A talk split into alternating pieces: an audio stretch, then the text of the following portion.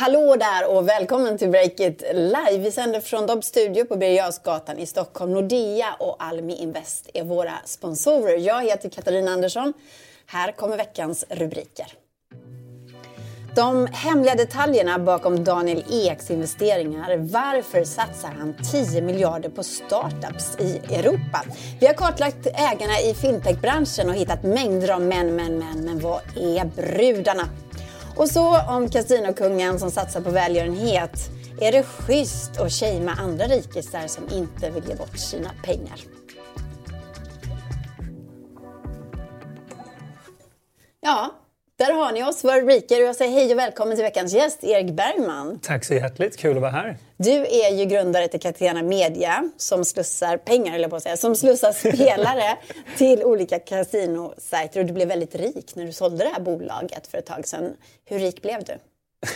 rik nog. Ja, men hur mycket pengar fick du? Jag har totalt sålt aktier för ja, närmare en halv miljard. En halv miljard. Mm. Gött att ha på banken. Ja. Och nu så ligger du bakom välgörenhetsprojektet Great.com. Och så vill jag också säga hej och välkommen till Johanna Ekström, Breakits reporter. Tack. Hej. hej. En lite rolig grej är ju faktiskt så här, som vi, som vi pratade om precis innan vi gick in här. Eriks fru heter ju också Johanna Ekström. Mm. Och sen är ni båda två från Jönköping. Så det finns väldigt mycket connections här redan från början. Vi gillar varandra. Mm. Ja, ja. Skulle vi bara kunna plocka ett par nyheter från, från veckan i eh, vår textvärld då som Breakit bevakar. Spotify-grundaren Daniel Ek han har beslutat sig för att satsa 10 miljarder kronor ur egen ficka på olika startups i Europa. Erik, du gillar ju när rika människor ger bort sina pengar. Du gör ju det själv. Vi ska prata mer om det också. Men vad tänker du om, om det här? Ek vill alltså ge bort 10 miljarder sammanlagt. Vill han ge bort eller vill han investera? Alltså, han vill investera då. det är stor skillnad. Väldigt ja, okay. stor skillnad. Okej, okay. han vill investera. Han vill stärka den europeiska drömmen, säger han. Vi brukar prata om den amerikanska drömmen, inte om den europeiska. Det är ett nytt begrepp kanske som han lanserar här. Men vad tänker du om att han gör det här?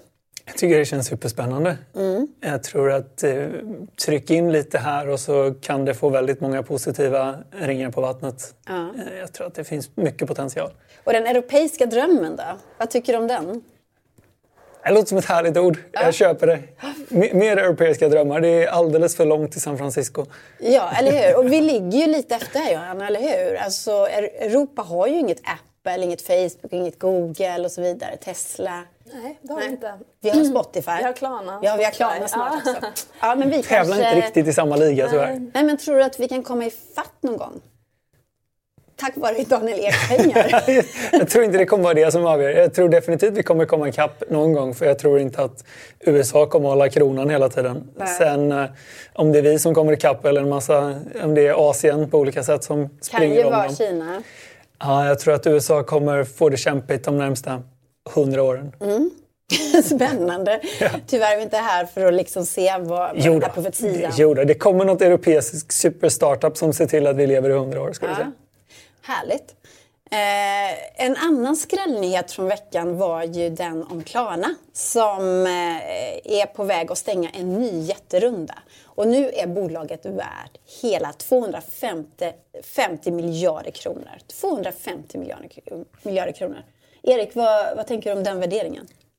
Först blev jag lite förbannad för jag blev erbjuden att köpa in mig rätt ordentligt på 18 miljarder för några år sedan. Nej. så, och jag tackade nej till det. Så att, eh, det var ju mest trist. Ja, hur känns det just idag? För när jag säger 250 wow, miljarder. eh, Då hade du haft ännu mer pengar. Det hade ju varit en jättebra affär eh, om jag hade... Nej, det känns inte så farligt. Eh, det, är, det är väldigt lätt att tänka jag skulle ha gjort det där. Jag skulle mm. ha köpt bitcoins, jag skulle ha köpt Tesla-aktier, jag skulle ha köpt Klarna-aktier.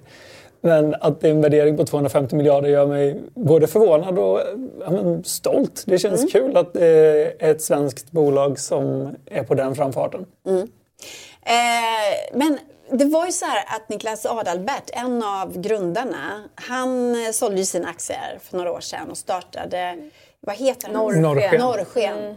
Också eh, välgörenhet gillar han. Så att om han då hade väntat Johanna, då hade han ju fått mycket, mycket mer pengar till välgörenhet. Ja, det hade han ju. Men man, det, är ju, det är ju lite så här, jag tänkte på honom faktiskt när den här värderingen kom. För jag tänkte att han sålde, han, han kanske sålde på, jag kommer inte ihåg exakt, men det kanske var på en värdering på 19 miljarder. Mm. Och då hade han ju haft uh, ganska mycket mer nu. För de andra medgrundarna, Sebastian Siemiatkowski och Viktor Jakobsson, de har ju båda aktier värda, nu med den här nya då, när den här nya kommer, så blir mm. det alltså runt 20 miljarder. Mm. Och då hade han ju också haft ganska mycket pengar till, mer pengar till norrsken. Men det, vem vet, han, det kanske räcker med de miljarderna. Ja, alltså, liksom. Det är väldigt svårt.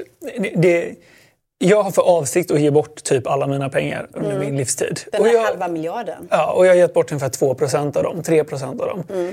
Och det är en väldigt bekväm ursäkt att säga till mig själv att jo, jo, men jag ska investera de pengarna och ge bort dem när det är mer pengar. Mm. Det är ett väldigt lätt sätt för mitt ego att så här, på något sätt skydda mig och säga jag ger bort sen. Mm. Så jag tycker det är skitbra att Niklas tog tag i det och började ge bort när han gjorde.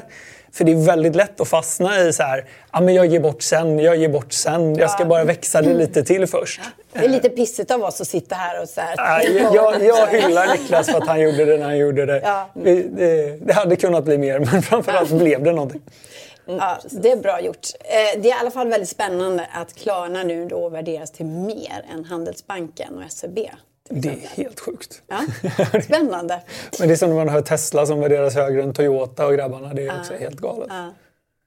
Eh, hörni, vi går vidare. Nu är det Johannas tur. Eh, för i morse så eh, publicerade Breakit en fantastisk kartläggning som Johanna har jobbat både länge och väl med. Vi kan alltså stolt presentera den första granskningen av fintechbranschen någonsin.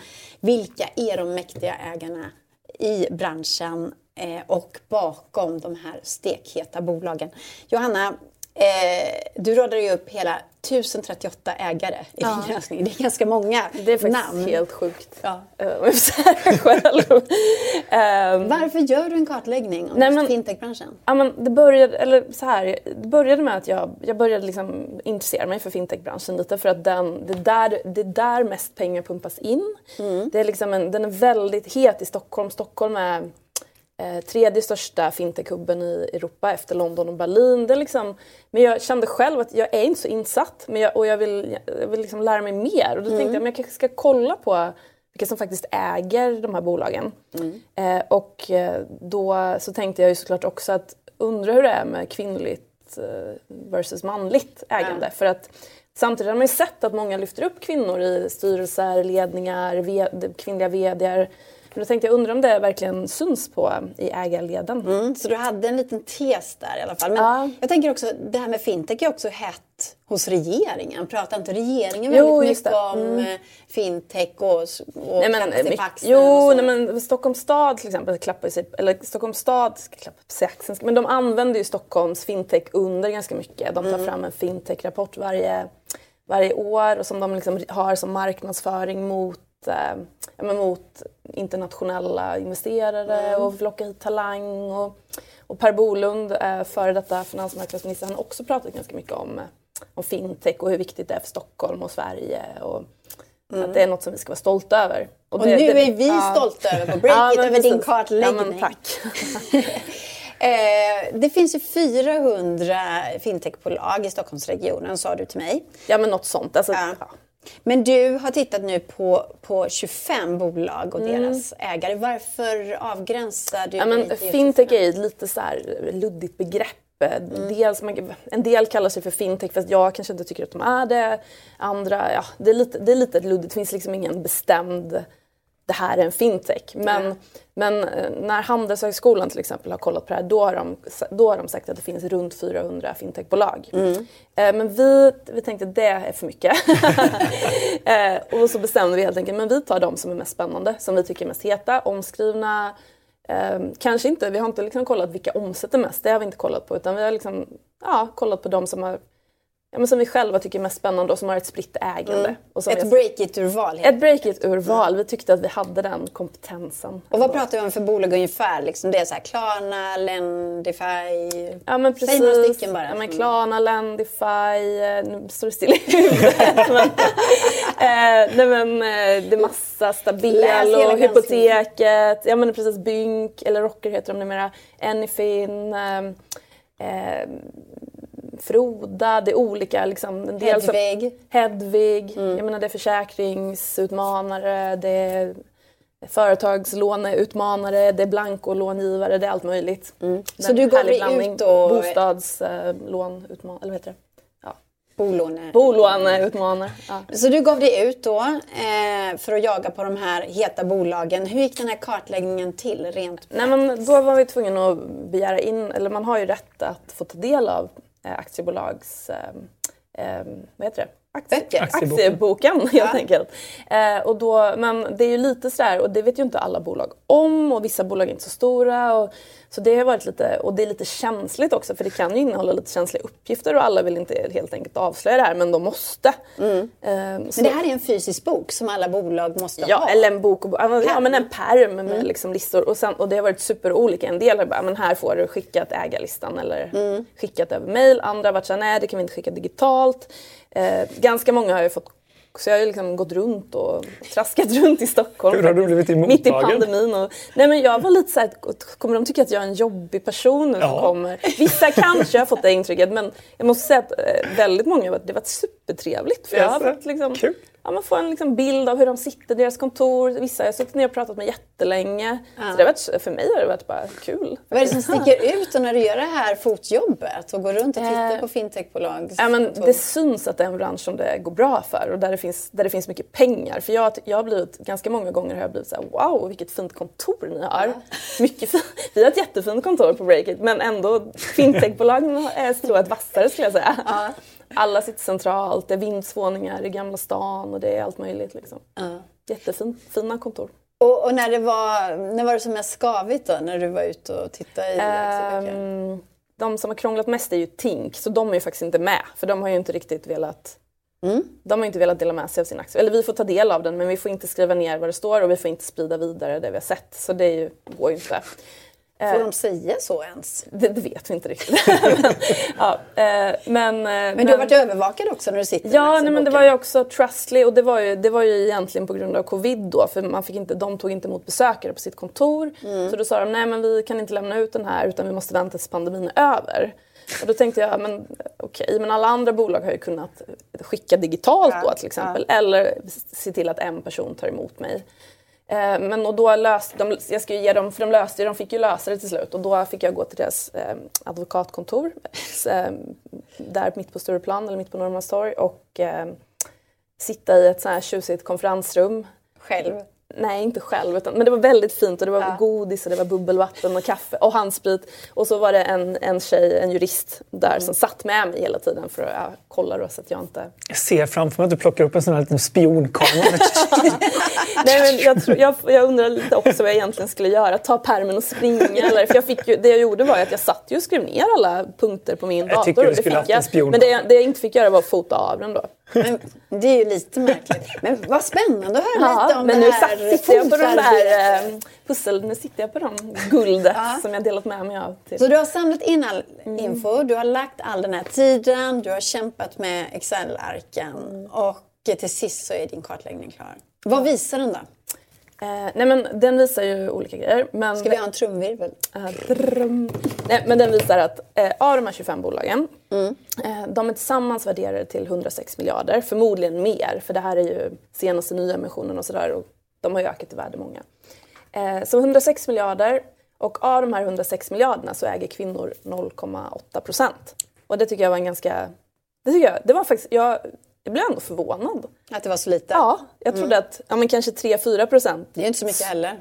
Men det är inte så mycket. mindre. Men det tänkte jag var rimligt. Men 0,8 procent var väldigt lite. Erik, hur reagerar du på att kvinnor äger så lite av de svenska fintechbolagen? Jag hade nog helt klart gissat på mer än 0,8. Mm. Eh, och Men spelar det roll? Alltså, jag vet inte riktigt hur mycket det spelar roll. Det jag tycker är intressant är vad, hur ser det ut om 20-30 år? Alltså, ett mm. problem att titta på ägarledet är att man tittar till stor del på personer som har varit i fin, inte fintech då kanske, men finans. finans på olika sätt i 30 år. Mm. Jag gissar att tittar man på åldersspannet så ägs det allra mesta av folk över 50. Mm. Var ett antagande. Ja. 40-50. Så det speglar inte riktigt hur ser det ut för folk som kommer in i branschen nu. Men om vi tittar på hur det ser ut just nu, 0,8 procent. Ja, det är märkligt. Nej, mm. jag vet inte om märkligt är rätt ord heller. Jag, jag, är inte jätteförvånad. Precis, 3-4 procent är väldigt lite det också. Mm. Och jag vet inte hur stort... Alltså, behöver det vara ett problem? Jag tror inte det behöver vara ett problem. För mig är det ett problem om det finns stängda dörrar. Mm. Finns det dörrar som säger kvinnor får inte vara med? Finns det dörrar som säger kvinnor har inte samma möjlighet att komma in på arbetsmarknaden? Mm. Då är det för mig ett stort problem. Men det här är Kvin... inget problem då? Nej, jag vet inte om det är ett problem. Alltså, problemet hade varit om det fanns dörrar som var stängda. Mm. Det är ingenting som säger att kvinnor inte får investera i företag. Jag tror inte något av företagen skulle tacka nej till kvinnliga investerare. Jag tror inte något av företagen skulle säga att kvinnor får inte starta. Det är ett problem. Mm. Men det är lite provocerande att du säger att det inte är något problem. Men varför fall, är det ett problem? För vi är kvinnor och vi tycker att... Nej, men Erik, eh, Erik, det är lite provocerande att säga att det inte Det kan jag gå med på. Mm.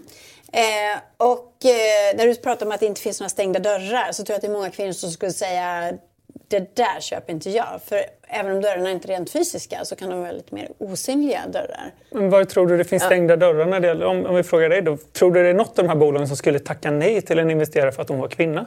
Nej, det tror jag inte. Mycket är ju så här att Ja, men det, det finns ju studier som visar att investerare investerar i sådana som är som sig själva och, och så är det alltid vita män och så investerar de i andra vita män.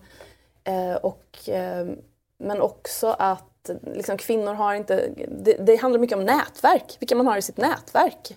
Vilka man äter lunch med, vilka man tar med på möten, vilka man lyfter upp i... Och, och många av dem jag har pratat med upplever ändå att ja, men det är bara män. Och det var en, en som sa att men hon hade jobbat i ett fintechbolag utan att säga vilket och utan att säga vem. Men mm. det var liksom hela managementteamet var bara män. Och då hade hon mejlat dem och sagt ni har inte funderat på att ta med någon av oss andra på någon lunch någon gång? Och, och det hade de inte funderat på riktigt. Men det blev som en tankeställare och det, vis, och det, var, det visar ändå på att det finns en... Alltså, folk inte riktigt, jag tror att många inte är riktigt medvetna om det. Och jag tror att det är svårare nu kanske inte du har jobbat inom fintechbolag, så jag... det är kanske generellt över techbranschen. Men att fintech är lite ännu mer extremt eftersom finans är mansdominerat och tech generellt är mansdominerat. Definitivt. Jag tror man hamnar där uppe i två av de huvudsakliga problemen. Det jag tycker är intressant att titta på är hur ser det ut nu och de senaste åren och vilk, vart går trenden? Alltså om vi tittar mm. på ta Breakits podcast. Om ni skulle välja mellan två gäster. Det ena är en man och det andra är en kvinna. Och ni ska mm. välja vem av dem och de är jämbördiga på alla sätt. Vem skulle ni välja då? Kvinnan. Eller? och, och, om kvinnan är... Nej, men mest för att vi har så mycket män på Breakit. Ja, men, så vi försöker jobba med Om mannen är 5% bättre nyhetsvärde på olika sätt, vem skulle ni välja då? Jag tror vi skulle välja mannen då. Ja. Mm. Så allt annat lika så kvoterar ni in en kvinna? vilket jag tycker är helt rätt. Eh, och jag tror att det här gäller i princip alla techbolagen också. Mm. Att jag har verkligen ansträngt mig för att rekrytera kvinnor i olika sammanhang. Vi ansträngde oss verkligen i styrelsearbetet, i Catena och sådana saker. Och det är jättesvårt att hitta kompetenta kvinnor för att det är mycket, mycket färre på arbetsmarknaden. Eller för att man inte har de nätverken. Kanske inte har de nätverken, men vi försökte verkligen och ansträngde oss för det och det är väldigt svårt. Alltså det finns inte alls en lika stor pool, särskilt inte om man ska upp på väldigt hög seniornivå, folk som har jobbat i 20-30 år. Mm. Jag tror att tittar man på en juniornivå nu så kommer det väldigt mycket kvinnor in och tar vi den, drar vi ut den grafen 10-20 år så både tror och hoppas jag att vi har sett en stor förändring. Mm. Men det är väldigt svårt att förändra i, i ägarledet. För ägarledet förutsätter erfarenhet och pengar och alla de här sakerna som tar väldigt lång tid. Så mm. även om det har skett mycket förändring, tror jag i dagsläget, bara om man tittar på högskolan, hur mycket det är kvinnor och hur många som kommer ut i näringslivet och vad jag antar att nästan alla företag som har varit med på granskningen skulle göra samma val som er. Allt annat lika så tar de kvinnan. Mm. Eh, alla bolag jag varit i kontakt med skulle göra så. Och då tror jag att den här trenden kommer skifta över tid. Men tyvärr tar den längst tid i ägarledet för pengarna lever kvar så länge. Mm.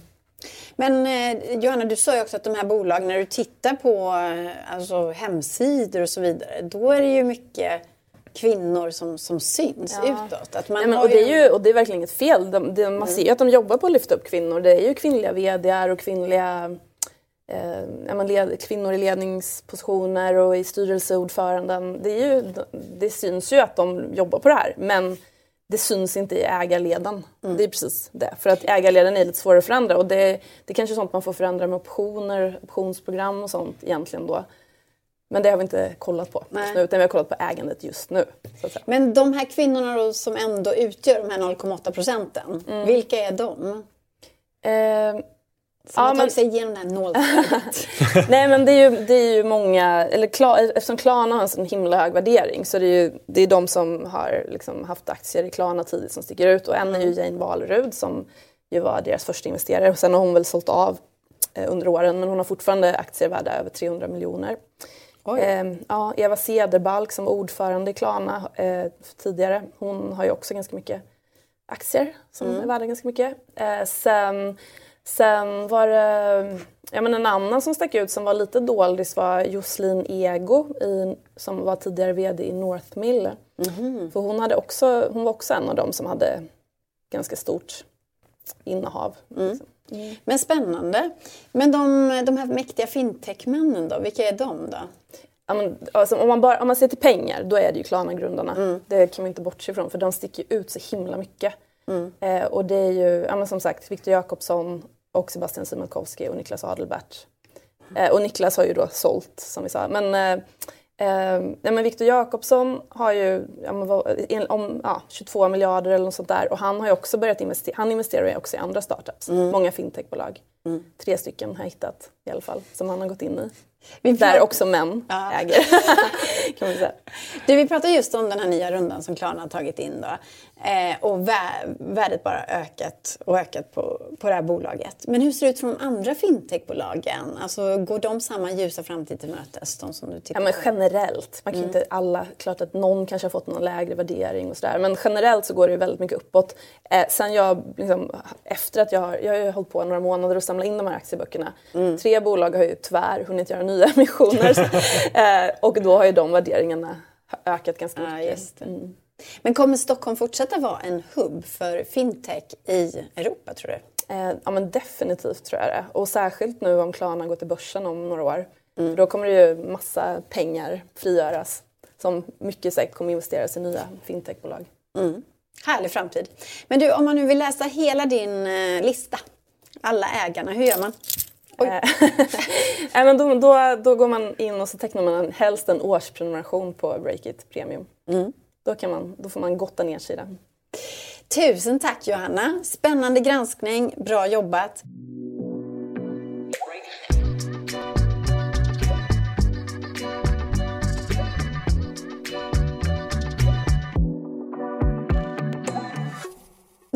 Av det allra viktigaste för investerare det är ju att ta reda på om en idé är skalbar eller inte. Men hur vet man det? Det här inslaget är sponsrat av Almi Invest och jag säger hej och välkommen till Henrik Jansson som är fund manager på Almi Invest. Tackar, hejsan. Ja, hur vet man om en idé är skalbar? Du sitter och tittar på det här hela dagarna. Ja, det finns ju vissa missuppfattningar i alla fall, men i grund och botten så kan man ju säga att bolag som karaktäriseras som skalbara, de, de har antingen en produktionsmetod som gör att marginalkostnaden minskar per producerad enhet när man ökar. Mm. Alternativt att man har en skalbar betal eller affärsmodell. Typiskt mjukvarubolag då. Mm. Eh, men du som tittar på det här, om du plockar ut tre parametrar som du tittar på, vad, vad ser du då?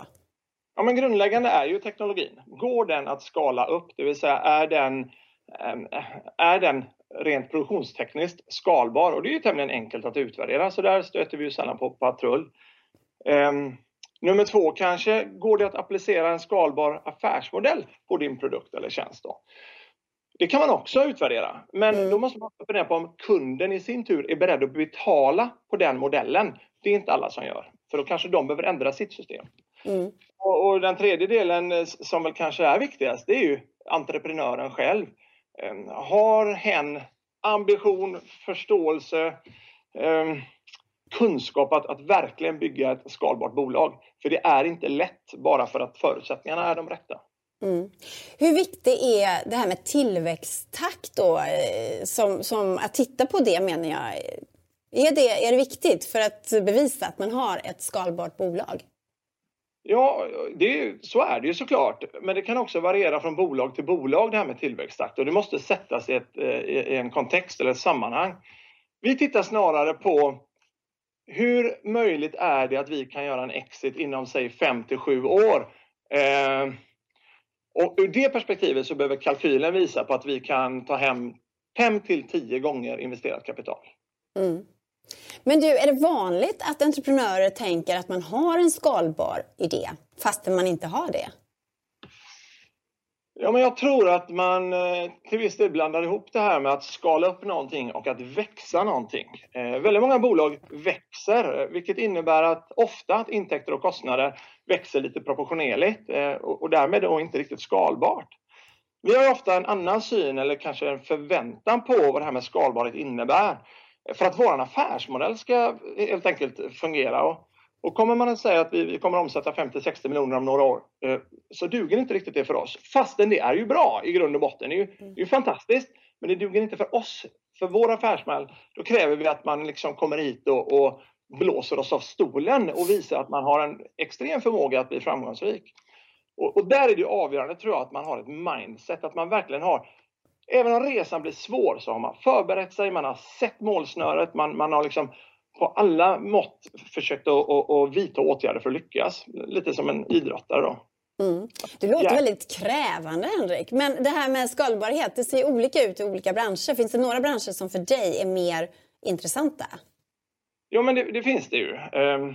Tittar man till exempel på, på mjukvarubranschen så har ju den här digitaliseringen fullkomligt revolutionerat möjligheten att faktiskt skapa riktigt skalbara eh, företag. Eh, och, och, som exempel kan man ju titta på bolag som jobbar och utvecklar plattformar för nytto eller intressebaserade tjänster. Eh, det kan ju vara musik, det kan vara resor, det kan vara dating, det, det kan vara vad som helst egentligen de har ju vuxit otroligt mycket de senaste åren på väldigt kort tid och, och, vi tror att det beror på att man använder några slags nätverkseffekter. Det innebär att de initiala kostnaderna är inte jättehöga och sen handlar det om att förmedla kontakter så att människor helt enkelt får träffas och hitta varandra. Mm. Otroligt framgångsrikt. Eh, vi pratar ganska mycket om SaaS-bolag här på Breakit. Det är ju väldigt hett just nu. Är det en bra affärsmodell för, för skalbarhet? Absolut. Eh, den typen av betala affärsmodeller skapar ju verkligen möjligheter för att växa väldigt fort eh, på ett bra sätt. Ehm, och ur de perspektiven så försöker väl vi utvärdera huruvida man hakar på en trend här och nu eh, eller kan man långsiktigt och varaktigt skapa nytta och värden för sina kunder. Och kan man dessutom skapa någon slags inlåsningsmekanism så att kunden investerar någonting i tjänsten eller produkten, det kan ju vara tid eller pengar eller annat, så brukar det vara bra. Då skapar det en viss inlåsning vilket gör det lite svårare för kunden att lämna. Då. Mm. Men i takt med de här eh, så kommer det nya begrepp lite grann. Ehm, så som eh, Customer Acquisition Cost, eh, Freemium, Churn, Lifetime Value och så vidare. Och alla de där beräkningarna som entreprenörerna har, de måste vi utvärdera noggrant och det är rätt lurigt. Mm. Men du jobbar på och, och bolagen är välkomna till dig och blåsa dig av stolen som du säger. Absolut, mm. det, är ju det vi längtar efter. Så att, eh, välkomna. Tack så väldigt mycket Henrik eh, för smarta råd och tack så mycket Almi Invest för att ni sponsrar Break It Live. Tack ska ni ha.